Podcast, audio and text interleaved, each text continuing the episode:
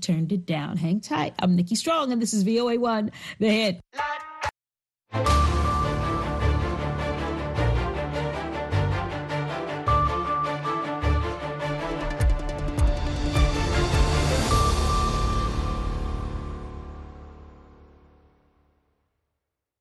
Halkani waa washington laanta af soomaaliga ee v o a oo aad ka dhagaysanaysaan mawjadaha gaagaaban efemyada geeska africa iyo caalamkao dhan oo aad nagala socotaan boggeen internetka ee v o a somaly com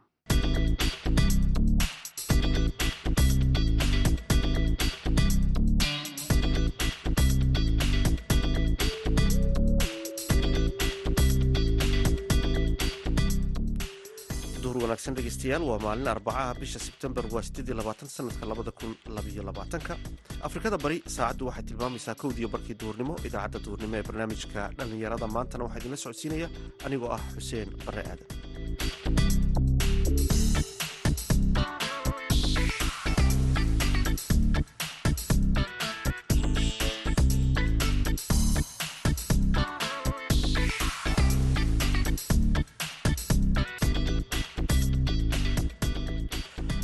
qodobada aad ku maqli doontaana waxaa ka mid ah wiil dhalinyaro ah oo isu taagay isdhexgalka bulshooyinka xeryaha dhadhaab si ay isu kaashadaan. Maadaama wadamadooda ay ugu soo qaxeen dhibaato iyo khallaasa marka taasi darteed igu qasabtay inaan dhalinyarta oo kala duwan ambaro qaababka xirfada gacanta wax looga sameeyo waxaa kalood maqli doontaan dhalinyaro magaalada laascanood ee xarunta gobolka sool ka hirgeliyey madal ay ku kulmaan aqoon-yahanada magaalada kuwaasi oo falanqeeya arrimaha daruuriyaadka ah ee nolosha. Heesihii iyo ciyaarihii ayaa sidoo kale maqli doontaan balse marka hore ku soo dhowaada warkii dunida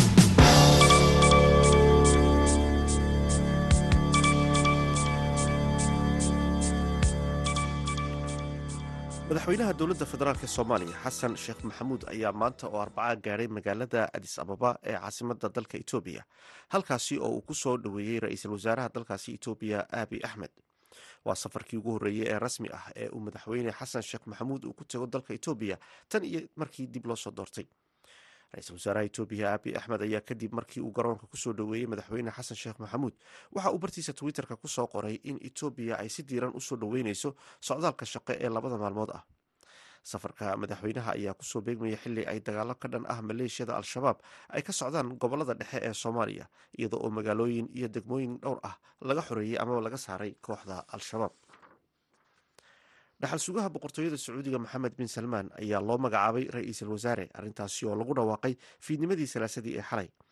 Boqorka sacuudiga ayaa inta badan isagu ah ra'iisul wasaaraha dalka amiir maxamed bin salmaan ayaa loo arkaa inuu yahay hogaamiyaha dhabta ah ee boqortooyada dhowrkii sano ee u dambeeyey waxaana uu soo qabtay xilka ra'iisul wasaare ku-xigeenka islamarkaana ahaa ra'iisul wasiirka gaashaandhigga amiirkan ayaa waxa uu dalka u horseeday isbeddel bulsho iyo mid dhaqan balse waxa uu sidoo kale hogaaminayay olole lagu caburinayo ama lagu bartilmaameedsanayo dadka mucaaradka ah. Xilkii wasiirka gaashaandhigga ayaa lagu wareejiyey walaalkiisa ka yar khaalid ibn salmaan oo horey u ahaa wasiir ku-xigeenka gaashaandhigga sida lagu sheegay wareegto uu soo saaray boqor salmaanka sacuudiga oo ay daabacday wakaalada wararka ee rasmiga ee dalkaasi.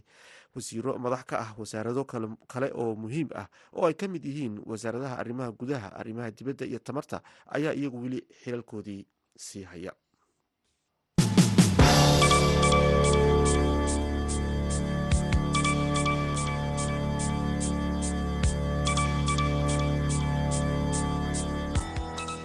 halkaad nagala socotaan waa laanta af soomaaliga idaacadda v o a. Nuur bare aadan oo ah nin dhallinyaro ah oo ku nool xeryaha qaxootiga ee dhadhaab ayaa u istaagay ku dhiirigelinta dhallinyarada ku nool xeryaha qaxootiga ee dhadhaab muhiimadda ay leedahay nabadda iyo isdhexgalka dhallinyarta. Nuur bare aadan ayaa uga waramay waxyaabaha uu ku dhaliyey in uu dhallinyarada qaxootiga ah ka dhaadhiciyo kuna dhiirigeliyo nabadda iyo isdhexgalka. Wariyaha v o eda ee xeryaha qaxootiga dhadhaab axmed nuur maxamed cabdulaahi yagol ayaa arintan ka waraystay ka mid ahay dhalinyaro ka mid ah qaxootiga xerooyinka dhadhaab waxaan ka mid ahay scouting scout si aan u soo biiriyo scouting waxyaaba fara badan ayaa ka faa'iday bulshada taasoo ah isdhexgalka bulshada maadaama qowmiyad fara badan ay ku nooshahay maxaa jira xerooyinka marka waxay sababtay taas scouting waxay sababtay maadaama qaxootiga intaasoo bulsho ay degan tahay oo kala dhalasho kala duwan leh. Marka taasi waxay tustay inay maxaa jira bulshada isdhexgalaan. Nuur waxaad ka mid tahay dhalinyarada ku nool xerooyinkan qaxootiga ee dhadhaab waxaad u istaagtay in dhalinyarada aad ku dhiiri dhiirigeliso dhanka farsamada gacanta iyo weliba sidoo kaleeto isdhexgalka dhanka dhallinyarada dhexdooda. Waxaan ognahay dhalinyaro fara badan oo qowmiyado kala duwan ka soo jeeda ku nool xerooyinkan qaxootiga ee dhadhaab marka maxaa kugu dhaliyay arrimahan? Waxaa igu dhaliyey arrintan inay maxaa jiray bulshada ay isdhex gasho si nabad ah nabad ay ku noolaato maadaama wadamadooda ay ugu soo qaxeen dhibaato iyo khalaasa marka taasi darteed ayaa igu qasabtay inaan dhalinyarta oo kala duwan ambaro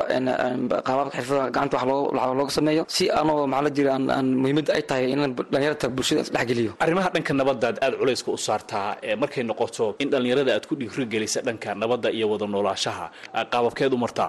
Waxaan u maraa anigoo bulshada dhalinyarta dhammaan isku keeno oo maxaa la jiray wixii hore dhacay iska iloobaan si oo maxaa la jiray gacmo wada jir waxaa la geela isu dhaqdaa gacmo wada jira geel gacmo wada jir ayaa maxaa la jira waxay ku qabtaan marka maadaama ay dhalinyarta kulli ay dagaal sokeey maxaa la jira waxba iska dhaceen iyo qalaasi badan iska dhacay. In wax walba aan iska ilowno walaaltinimada ka muhiim tahay. Marka markii aad ku dhiirigelinayso dhanka farsamada gacanta maxay tahay farsamada gacanta qaybahaad ku dhiirigelisa dhalinyarada ku nool xerooyinkan qaxootiga ee dhadhaab waxaa ka mid ah inay bartaan xirfadaha oo gacanta lagu sameeyo sida harqaamada si loo talo sidii maxaa la jira wiilinka loo sameeyo sidii loo sameeyo maxaa la jiray alaabaha kaloo gacanta laga sameeyo. Waxaa ka mid ah si hadda ma hore sida dhacday corona markuu dhacay dhalinyarta waxaan barnay si maxaa la jiray caag oo loo isticmaalo lugta loogu isticmaalo xerka lagu xiro oo qaybta naafeeda loo isticmaalo ayaan barnay. Nuur inta badan markay bulshada isu timaado ama goobaha markaasi xafladaha la isugu imaado inta badan arrimaha nabadda muhiimadda ay leedahay ad ka hadashaa. Marka nin dhalinyaro u jooga xero qaxooti islamarkaana dhalinyaradii kale ku dhiirigelinaya nabadda muhiimadda ay leedahay iyo isdhexgalka maxay kaaga dhigan tahay? Waxay ka dhigan tahay hadda anigoo si hadda aniga haddan iska bilaabo qisadayda anigoo yar halkan imaaday soomaaliyan ka soo qaxnay waxay i tustay qalaasii soomaaliya ka dhacay waxaan ku waayay waalidiinteeda qaar ka mid ah sida abtiyaashii adeeraashii ayaan ku waayay. Saa darteed marka waxaana doonayaa dhalinyarta soo kaceysa in maxaa la jira mustaqbalkooda uu ku hagaaga si nabadda nabadda ay u bartaan qaabka nabadda nololaado iyo faa'idada nabadda ay leedahay. Marka hadda waxaan joognaa qaxootiga qaxootiga waxaan joognaa saddexda xeraba waxaan joognaa ilaa soddon sano ayaan joognaa. Taasi waxayna bartay si looga noolaado nabadda. Nabadda aad bay muhiim u tahay waa sheyga koowaad oo qofka bilaadanka uu u baahan yahay. Haddii qalaaso ku noolaata dhibaato fara badan ay qalbigaada u geysanaysaa weligaana maxaa la jira fikir iyo maxaa la jira niyajab ay ku jiraysaa. Balse haddaa nabadda ku noolaata habeenkii si wanaagsan aa seexanaysaa laakiin madarna dhalashooyinka dadka faraha badan si wanaagsan ay u dhaqmaysa hadda. Intaasoo bulsho ayaa degan qaxootiga dhadhaab oo kala duwan oo qabiilo fara badan oo kala duwan iyo ajniyaba kala duwan degan way isdhex galaan si nabadda nabadda marka wax weyn fara badan ay leedahay. Nuur markii aad ka hadlaysa nabadda adoo xero qaxooti jooga waxaad sheegtay in dagaaladii sokeeye ee soomaaliya ka dhacay in qaar ka mid a eheladaada aad ku weysay taasina ay kugu dhiirigelisay inaad nabadda u istaagto. Marka dadkan ku nool xerooyinkan qaxootiga ee dhadhaab fahan intee leeg bay ka haystaan muhiimadda ay leedahay nabadda? Bulshada sidii hore maahan hadda way fahmeen faa'iidooyinka ay leedahay nabadda way fahmeen sidii hore maahan sidii hore maxay ahayd maxaa la jiray kan iska fiiri kan iska fiiri ku jirtay balse hadda way fahmeen qof walba oo maxaa la jiray oo bilaadan ah inuu maxaa la jiray ay ka muhiimsan tahay nabad oo nabad ay muhiimsan tahay oo ku noolaashada nabad ay muhiim tahay oo habeenkii aad iska saxanayso gurigaada adigoo adigoo soo taa marka waxyaaba fara badan aad bay maxaa la jiray bulshada ay ku soo kordhisay programka haddan aawada ee nabadda waayahay markay timaado marka in arrimaha nabadda laga hadlo tusaale ahaan oo kale iskuullada tagtaa goobaha dhalinyarada isugu imaadaan oo kaloo tagtaa inta badanna waxaad kala hadashaa muhiimadda nabadda ay leedahay ma jiraan qaar ka mid a dhalinyarada oo sideedoo kale ku dhiiraday in dhalinyarada kale ay ku wacyigeliyaan muhiimadda ay leedahay nabadda iyo wada noolaashaha ha way jiraan kuwo fara badan hadda aniga maxaa jira markaan aan awaday oo igu raacay oo hadda garab istaagan oo nabadda aad u jecel maadaama ayaga naftooda ay ay ku waayeen waalidiintooda qaar ka mid ah hore u sheegay aniga camal. Marka waxay dheheen fikirkaa fikir wanaagsan waaye aad wado marka anagana waa gura garab taaganahay si waaga la soo ilaa hadda waxyaaba fara badan ay bulshada aan ka bedelnay ayagana taagan ay nagu raaceen maadaama hadda isdhexgal bulsho ah oo qowmiyad walba leh si hore aan u sheegay. Iskoolahana ardayda maxaa la jiray de from different wadamo kale ay ka yimaadeen soo marka inay wada nolosho ay ku noolaadaan galaaska dhexdiisa oo nabadda ay ka muhiimsan tahay wax walba oo mid kala fadhiya iyo kan iskuulka jooga iyo kan xaafadda jooga iyo ku kalaaba mid kulli walaal yihiin ayaan barnay. Marka qorshaha ma kugu jirtaa in dadaalkan aad wado ee ku saabsan dhanka nabadda in berri ka maalin markay soomaaliya dib loogu laabto amaba aad ku laabato inaad sii wado arrintan ku saabsan u istaagidda wada noolaashaha iyo nabadda? Meesha haddaan hiigsanayo hamigey waa meeshaasba marka hadda loo laabto dalka soomaaliya waxaan rabaa si oo maxaa la jira iskay ah inaan maxaa jira aan ugu istaaga muhiimadda iyo faa'iidooyinka ay leedahay isku noolashada ay leedahay nabadda macalidi faa'iidooyin nabadda ay leedahay ayaan rabaa. Qorshe aan ka wataba waa inaan qorshahaas marka soomaaliya loo laabto aan dadka waaweyn culammada ardayda kulli inaan bara muhiimadda ay leedahay nabadda. Waxaad ka dhawaajisay in qorshahay kugu jirto markaad soomaaliya dib ugu laabato hamigaagana uu yahay inaad dib ugu laabato soomaaliya.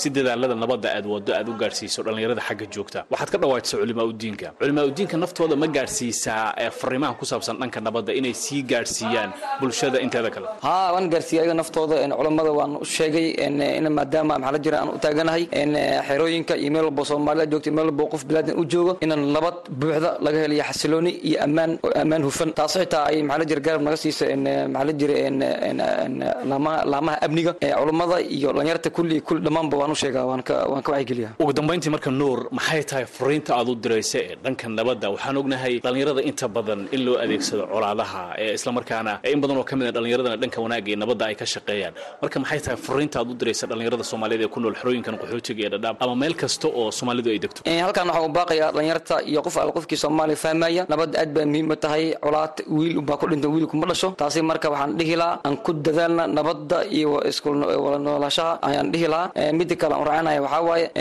walaalka intaa maxaa dhihi jiray aad ka aargusan lahayd waxaa ka wanaagsan inaad u sabarto.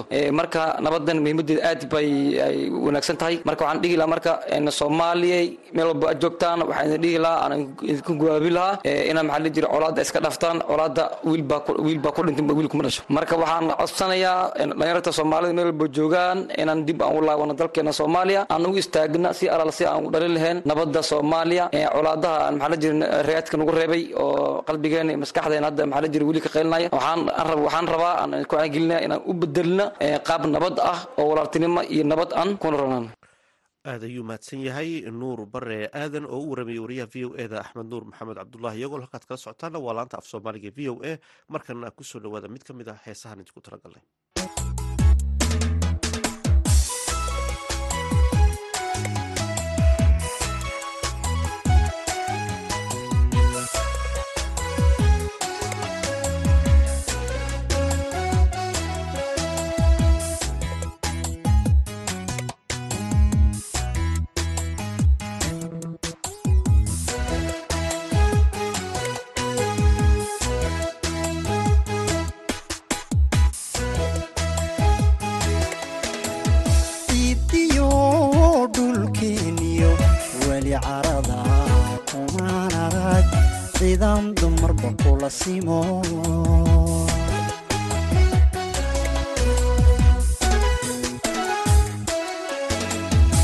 ciidiyo dhulkeeniyo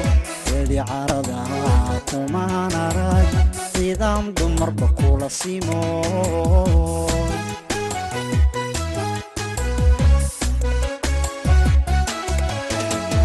hayeeshee cudooney adduunkiyo casharada ifkaa badan.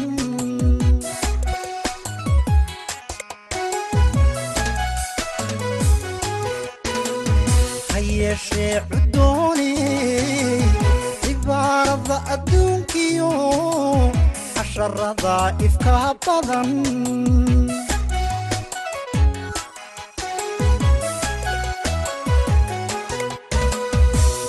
almashada midku dooqu calanka kuu sudhay hadduu calafku kaa diray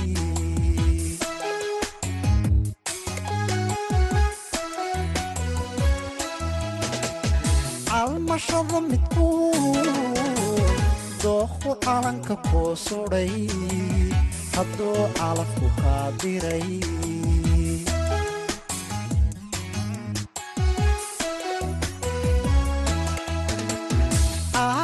ashaq lagu hungoobiyo. Nin xuni qiilkuu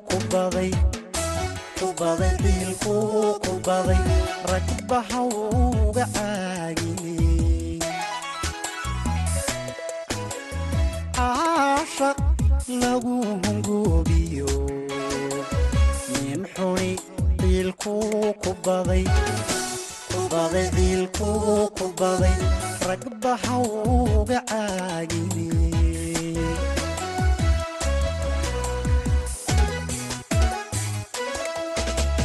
Cidla nolosha kelinimo akuu kuma qalantee cabdaradyahaygyaanka nasiibka mar kale mar kale celi ogo nasiibka mar kale ogo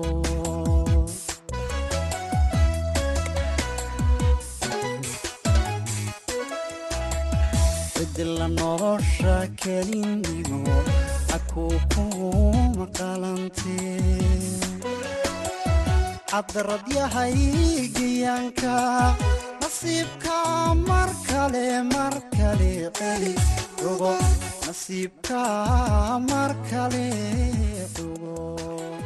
heeskaas ayaan ku soo gabagabina dhinaca heesaha. Marka horese hadda waxaa ku soo dhawaataan warbixintan dhalinyaro aqoon-yahano ah ayaa magaalada laascaanood ee xarunta gobolka sool ka hirgeliyey madal ay ku kulmaan dhalinyarada magaalada kuwaasi oo ka arinsada arrimaha dhaqaalaha iyo waxyaabaha asaasiyaadka ah ee nolosha. Cabdikariim olol ayaa la kulmay qaar ka mid a dhalinyaradaasi warbixintan ayuuna soo diray magaalada laascaanood ee xarunta gobolka sool waxaa ka jira golo dhalinyaro aqoon-yahano ay asaaseen kuwaasoo isugu jira macalimiin dhakhaatiir iyo qeybaha kala duwan ee bulshada. Dhambaal waa golo ay ugu talagaleen inay ku falanqeeyaan arrimaha dhaqaalaha buugaagta kala duwan. Waxaana ugu horreyn aan la kulmay qaar ka mid a aqoon-yahanada iyagoona faahfaahin ka bixiyey. Ujeeddada golahan ay u sameeyeen iyagoona kaluumo kala duwan ku qabtay magaalada laascaanood marka bugaagta aadka u fara badan halka kuma soo koobi karayo bugaagtaasi dee qof bini aadana oo wuxuu qoray aan dhaliil lahayn ma jirto. Marka dee buuggana waa naqdinaa buuggana waa naqdinaa si guud wixii ku khaldanya waxyaaba ku waana waan bogaadinaa waxyaabahan ka faa'iidnayna waan diwaan gashanaa bulshadan la wadaagnaa marka waa sidaa. Kuwa ugu caansan kuwaad bugaagta ugu dambeeyey aanu akhrinay waxaa ka mid ahaa buug uu qoray nin la dhaho george carlson oo la dhaho ninkii baabile ugu hantida badnaa. Waa buug ku qoran saddexda luuqadood english carabi iyo soomaali. Baa lagu tarjumay. English carabi soomaali iyo carabi waa lagu tarjumay. Waxaanu akhrinay buug uu qoray in la dhaho dinjire oo ahaa ruwacdaa siyaasadeed oo dhanka arrimaha dibadda ah in badan ka shaqeynaya siyaasadda arrimaha dibadda. Markii dambena noqday wasiirka arrimaha dibadda xilligii kacaanka waxaa qeybaa la dhahaa. Wuxuu ku qoray xasuus qorkiisu kaga sheekeynaya. Buwaagtaan qornay waxaa ka mid ah kitaab kitaab la dhahaan akrinay la dhaho. Sanadkan ugu dambeeyay as'ilatu thawra baa la dhahaa. Wuxuu ka sheekeynayaa thawrooyinkii thawrooyinkii iyo kacdoonadii ka dhacay carabta iyo dunida muslimka ah iyo waxyaabihii keenay buu ka sheekeynayaa waxyaabahan akrinay waxaa ka mid ah sanadkan dhexdiisa buug la dhaho al amiir waa buug buugani waa buug lagu dhigto jaamacadaha adduunka. Wuxuu ka sheekeynayaa si guud qawaacidda xukunka. Wuu ka sheekeynayaa buuggaas oo waxyaabo fara badan oo wanaagsanna ay ku jireen wax badan oo khaldanna ay ku jireenna waan akrinay waxyaabaan akrin waxaa ka mid a buug la dhaho xakaaya horshima oo ka sheekeynaya dhacdadii horshima ee nucleyeerka ee lagu dhuftay waddanka jaban bugaag fara badan oo kala duwanna sanawaadka hore baanu akrinay aad ugu soo bandhigi weydeen waxyaabaha saxda ee ku jira iyo waxyaabaha laga faa'iiday iyo buugta aad isleedihiin bandhigiina aad ku qaadaa dhigteen faa'iiday leeyihiin oo kale. Bejka iyaga golaha uu ku leeyahay barta facebooka ku baahinaa inaanu ka samayno video bugaagtaas la falanqeynayo la lafagurayo oo bulshadan uga faa'iideyno qorshayaasheeda hortubinta noole. Mustaqbalka maxaad hiigsanaysaan haysananaa mustaqbalka in xaruntan aan ka dhigno golahan gole cilmi baadhis oo baadha oo xaliya mashaakisha soomaalida haysata. Marka cilmi si cilmiya weliba u baadha kadibna daraasaad laga sameeyo oo qoraala laga sameeyo la daabaco.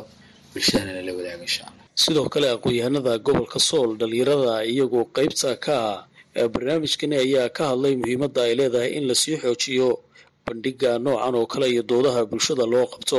Adoo magaca ku bilaabaya bal nooga horreyn muhiimadda ay leedahay kooxdan dhalinyarada ay isu tagtay. Bismi illaahi raxmaan raxiim alxamdulilahi wakafaa uma calaa cibaadihi aladiina safaa. Magacaygu waa cabdiraxmaan maxamuud ow yuusuf. Waxaa ka mid ah dhalinyarta magaalada laascaanood run ahaantii barnaamijkan ay wadaan dhalinyartu ee golaha dhambaal. Waan la socdaa doodahana waan ka qayb galaa waa barnaamij aad iyo aad loogu baahan yahay waana barnaamij ku qotama in dadku wax akhriyaan oo akhriska loo soo jeesto oo aqoontu waxay ku kobocdo. Waxyaalaha ugu muhiimsan waxaa ka mid ah wax akhrinta. Oo dad muslimin diinteena islaamka waxaad arkaysaa. Qur'aanka horey soo degay wuxuu ka hadlayay wax akhrinta nabiga ku soo degay calayhi salatu wasalaam. Iqra bismi rabbika alladii khalaq khalaqa alinsaana min calaq. Iqra warabuka alakram alladii callama bilqalm marka ummaddani waa ummatu iqra wey waa ummad la rabo inaa wax akhrido bulshada soomaaliyeedna saad aragtidba waa ummad haddeer akhrisku ku yaryahay oo akhrintu aad bayna ku yartahay oo ummad hadasho weeye. Marka in barnaamijta noocan la dhiirigeliyo oo bulshadu ay ku soo biirto waan aad baan u soo dhaweynayaa barnaamijtana si dhowroo la socdo. Golahan dhambaalna waxaa leeyahay barnaamijtana si ballaariya oo bulshada la wadaaga wixii aad aad heshaan oo maaragtay baaritaanadiina iyo akhriskiina ka soo baxa aad ayuu mahadsan yahay cabdikariim olol oo warbixintaasi nala socodsiinaya. Halkaad kala socoteenna waa laanta af soomaaliga v o a haatana ku soo dhawaada xubintii ciyaaraha iyo maxamuud mascade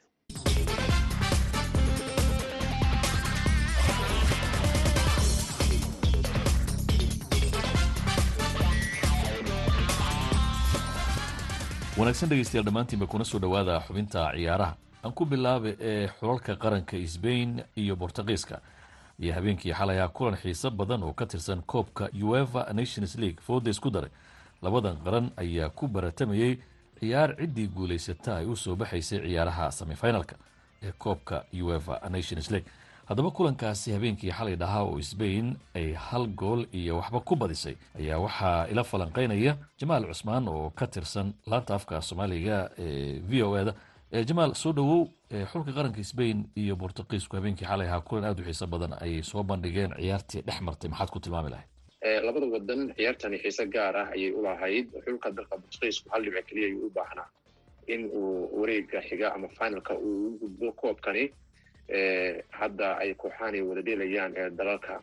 Halka xulka dalka spain uu isagu doonayay in uu guul ka gaaro taasina ay u inuu guul ka gaaro kadib markii alvaro morata uu dhaliyey goolka keliya ee laiska dhaliyay ciyaartaasi. Marka waxaan isweydiin karayaa maxamuud mascade waxaa labada kooxood oo xulka dalka bortugiiska inta badan ciyaartu ay sida dad badan oo ay aaminsan yihiin inay fursado badan iska khasaariyeen ay uga faaidaysan waayeen. Marka guusha xulka dalkaasi spain ay gaareen waxaa la dhihi karayaa spain waxay ka faa'iidaysatay fursadihii ay heshay. Gaar fursadda uu hela daqiiqadii ugu dambeeyey ciyaaraanka alvaro morata halka bortugiiskuna ay fursado ka faa'iidaysan waayeen. Marka fursado dhowra ayay heleen. sida ciyaaryaanka liverpool warka u ciyaara diego jota iyo ciyaaryaanka manchester united ronaldo labaduba ay fursada iska khasaariyeen sbain waxaa leeyahay sanadkan xidigo aada u da-yar ayuu wataa. Inta badan iyagaa lagu yaqaanay kubad haysashada laakiin kulankii habeenkii xalay waxaad moodaa bortugiisku inay kubadda inta badan iyagu haysteen. Markaad eegto marka bortugiiska oo ronaldo sanadkiisii ugu dambeeyey uu ciyaaraya koobka adduunka ma isleedahay sanadkan sanad layaab bortugiisku ay dhigi karaan ayuu noqon karaa? Bortugiisku inta badan kulamada ay ciyaaraan mar kasta ciyaartoodooda iyo qaabka ay u ciyaaraan waxaad u malaysaa inay isku xiran yihiin. Haddana sidaas oo ay tahay marar badan markaad fiiriso koobkii ay ku guulaysteen koobkii yurub oo kale ma ahayn kuwo boqol kiiba boqol loo saadaalinayo koob ku guulaysan karaan. Haddana qaab ciyaaraadooda iyo sida ay uga go-an tahay in ay guul gaaraan waxaa ciyaartooydooda ka muuqato yadadiilo wanaagsan iyo inaysan isniyaddigin oo marnaba aysan niyad jebin marka taa marka la fiiriyo bortugiisku waa suuragal in ay wacdaro dhigaan taasina ayaa suuragelisa mar kasta in ay kaalimo hore gaaraan. Yadadilada iyo ciyaartooyda oo aan marnaba niyad jabin oo isku tashta dadaal xoogan muujiya ciyaartooydoodana ay noqdaan kuwo ka dhiidiya ciyaarta intay socoto. Dhinaca kale wadamo badan oo caalamka ah ayaa waxay ciyaarayeen kulamo saaxiibtinimo oo diyaar garow ah. Oo ugu diyaar garoobayaan koobka kubadda cagta adduunka ee nofembar ee furmaya sidoo kalena ay ku tijaabinayaan xidigahooda oo xiliyadii ugu dambeeya kale xulashada ay ku jiraan. Xulalkaasi waxaa ka mid a xulka qaranka ee argentina oo habeenkii xalay ahaa saddex gool iyo waxba kaga adkaaday xulka qaranka ee jamaica. Messi oo ciyaarta gadaal ka soo galayna laba gool ayuu dhaliyey dad badan ayaa waxay leeyihiin sanadkan waa sannadkii ugu dambeeyey ee messi waxaana loo saadaalinaya argentina inay ka mid noqon karto waddamada koobkan ku guuleysan kara. Adigu markaad ciyaartaas eegtay dabcan waa daawanaysay ciyaaryahan leonel messi sanadkan muxuu kaga duwan yahay sanadadii hore dabcan wuxuu kaga duwan yahay mascade sidaad sheegtay lionel messi dhowr koob ayuu soo ciyaaray koobka adduunka. Hadda da-diisu waa gabagabo oo xilligii ciyaaraha uu guud ka fariisan lahaa ayuu joogaa. Inkastoo mar hore mar uu sheegay inuu ka fariistay ciyaaraha markii uu niyad jab kala kulmay xulka dalkiisa argentina koobkii america haddana dib ugu soo laabtay hase yeeshee kula guulaystay kooba america sanadka soo dhaafay. Hadda waa sannadkii ugu dambeeyey marka fursaddu waxay tahay inuu ka miro dhaliyo riyadii uu qabay ahaa in uu mar uun kula guulaysto xulka waddankiisa koob adduun oo uu dhowr sannadood uu u soo ciyaarayay. Isagoo dad badan ay la barbardhigaan diego maradona oo ay wax badan isla barbardhigaan. Haddana markasta waxaa la dhahaa messi kuma kuma uusan guulaysan koob adduun. Sanadka aynu koobka adduunka la qabanayo waa sannadkii ugu dambeeyey uu ciyaarayo. Waxa uu doonayaa inuu wacdar ka dhigo. Sidaad sheegtayna waxa argentina ay ka mid tahay xulalka loo saadaalinayo inay ku guulaysan karayaan koobka kubadda cagta adduunka marka la fiiriyo sanadka argentina iyo sanadkan laba kun labaiy labaatanka sida ay yihiin waa ay kala gedisan yihiin oo ciyaartooydooda waxaad u malaysa iyo tababarkoodaba in uu ka duwan yahay siday ahaan jireen. Sanadka laba kun sideed iyo tobankii oo qiiqiil ay koobka adduunka ugu soo baxeen sidoo kalena gruupka ay qiiqiil uga soo baxeen. Hadda iyadoo hadda si wanaagsan ay ugu soo baxeen oo kaalinta labaad ku soo baxeen brazil baa ka sarraysay laakiin haddana koobkii latin america iyo brazil ka qaadeen oo guuldarooyin waayadan ismayn arag kulankan kulanka ka sii horreey messina laba gool kale ayuu dhaliyey xulka dalkiisa mar ay honduras ee eer saaxiibtinimo u baxayeen. Marka waxay uga dhigan tahay messi in ay sidoo kale u tahay ciyaartani ee koobka kubadda cagta adduunka ama guul ama guul darro in uu kula hoydo xulka waddankiisa aad baad u mahadsan tahay jamaal. Adigaa mudan mascade waa tahay dhegeystayaal inta ayaan ku soo gabagabeynaya xubinta ciyaarantaynu mar kale dib u kulmi doono waa mascado idla sidaa iyo nabadgelyo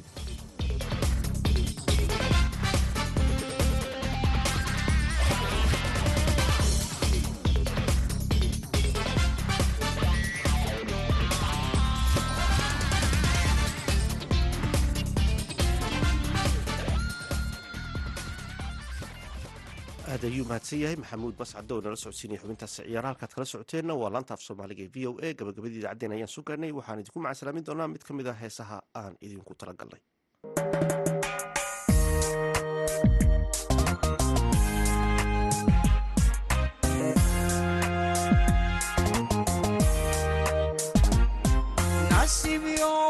samayn markaa dadka nooca badan tiri mid aha noloshu waxay tahay aqo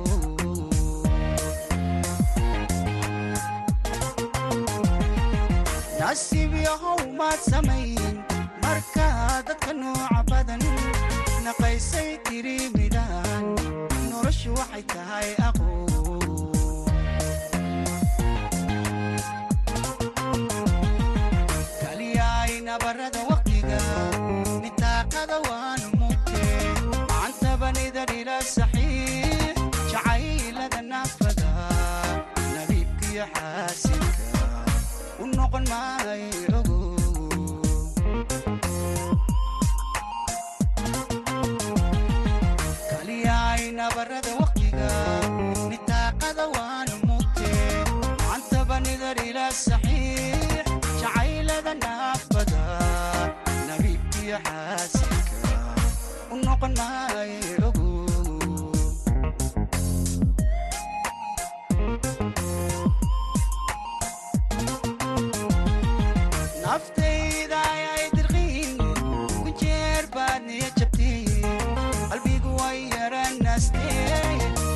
hay jabi ruuxin neceb hay jabi ruuxin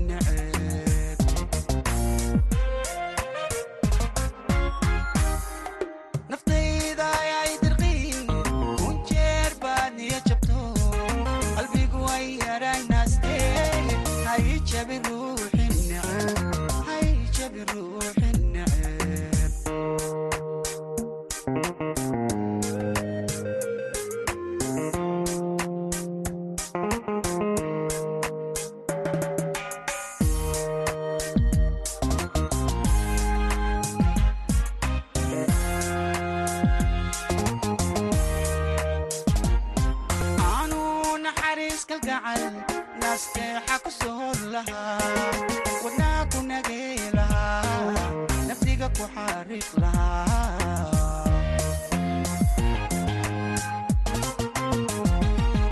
aanu naxariis kalgacal nasteexa ku soor lahaa. Wadnaa ku nagay lahaa nafdiga ku xariiq lahaa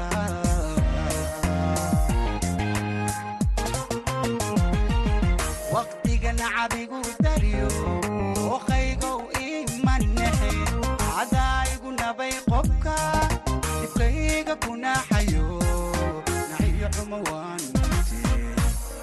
hay beer nuglay